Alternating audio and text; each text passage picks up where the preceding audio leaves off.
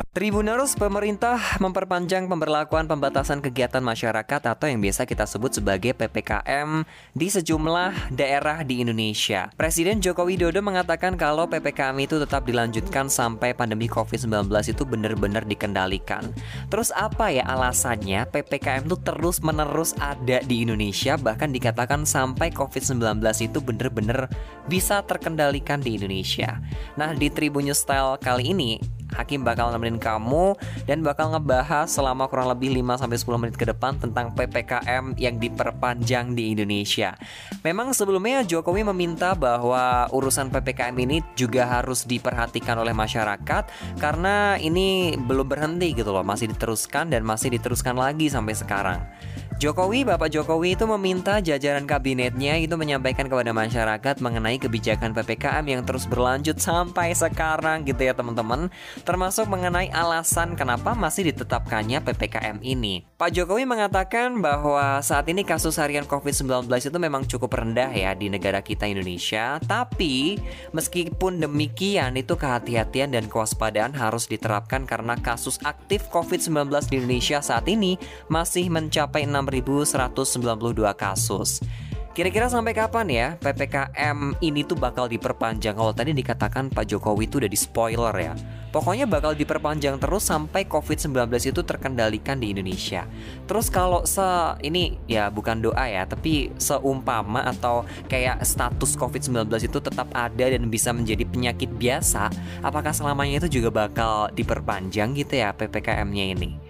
Menteri Bidang Perekonomian Maritim dan Investasi dan sekaligus koordinator pemberlakuan pembatasan kegiatan masyarakat PPKM Jawa Bali Bapak Luhut Binsar Panjaitan itu sebelumnya sudah berkata juga nih PPKM di Jawa Bali itu terus diberlakukan hingga waktu yang tidak ditentukan ya, yang belum ditentukan waktu itu sampai kapan.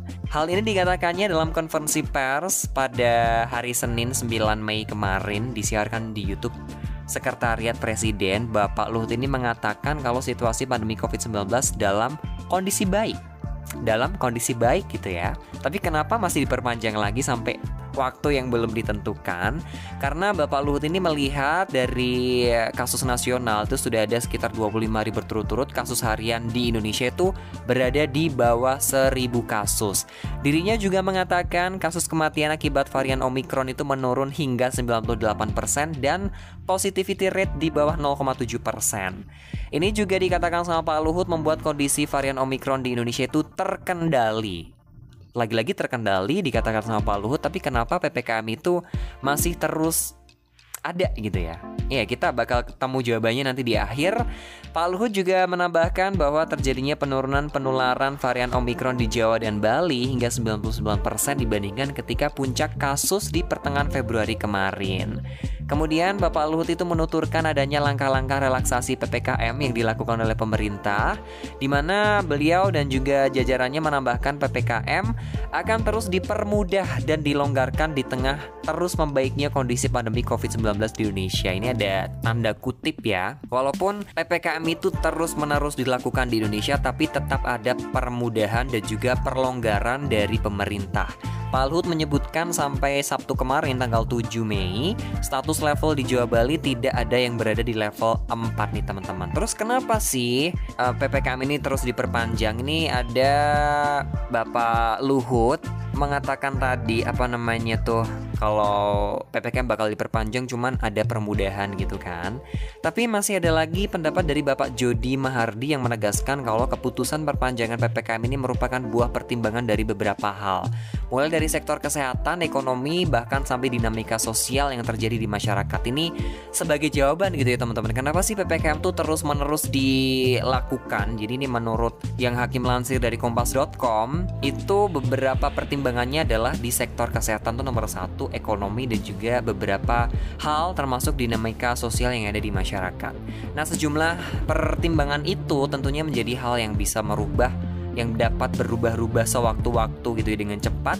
Jadi pemerintah memandang perlu mengimplementasikan segenap upaya seperti yang telah disampaikan oleh WHO. Jadi WHO tuh um, menginstruksikan walaupun COVID itu sudah melandai di beberapa negara tetap harus tetap waspada Salah satunya mungkin dengan PPKM ini gitu. Nah dengan penjelasan tersebut dapat diartikan bahwa sampai ke depan, sampai kapan itu tidak tahu, PPKM itu akan terus dilakukan dan diperpanjang di setiap pekannya. Bahkan sejumlah faktor yang mendasarinya itu ada kesehatan, ekonomi, dan dinamika sosial itu tadi. Nah, sudah terjawab ya teman-teman kenapa PPKM itu terus-menerus diperpanjang di setiap minggunya? Yang udah agak longgar tiba-tiba ketat lagi. Longgar lagi ketat lagi udah kayak celana legging ya kan? Jadi ini uh, jawabannya kalau beberapa faktor yang mendasari perpanjangan PPKM itu adalah kesehatan, ekonomi, dan dinamika sosial Yang semoga kita sama-sama memahaminya. Kalau udah dilonggarin ya Alhamdulillah kita bisa kokondangan gitu ya kita bisa liburan tapi tetap kalau saran aku sih menggunakan masker tuh nggak ada salahnya ya. Bahkan bisa menutupi jerawat-jerawat yang ada dalam muka kita gitu ya. Sebagian orang tuh kan mengatakan kayak gitu. Oke teman-teman kalau misalnya kamu punya pendapat yang lain kamu bisa share di kolom komentar. Kita pengen tahu juga nih kira-kira menurut kamu PPKM itu diperpanjang oke okay nggak sih? Dan kenapa sih harus diperpanjang dan kenapa tidak harus diperpanjang menurut kamu? Aku bakal nungguin kamu di kolom komentar dan barangkali bisa jadi bahan konten di next episode. Thank you for the time. Cuci tangan sampai bersih dan cukup sekian. Dan terima kasih. Hakim mau pamit. Sampai jumpa di lain kesempatan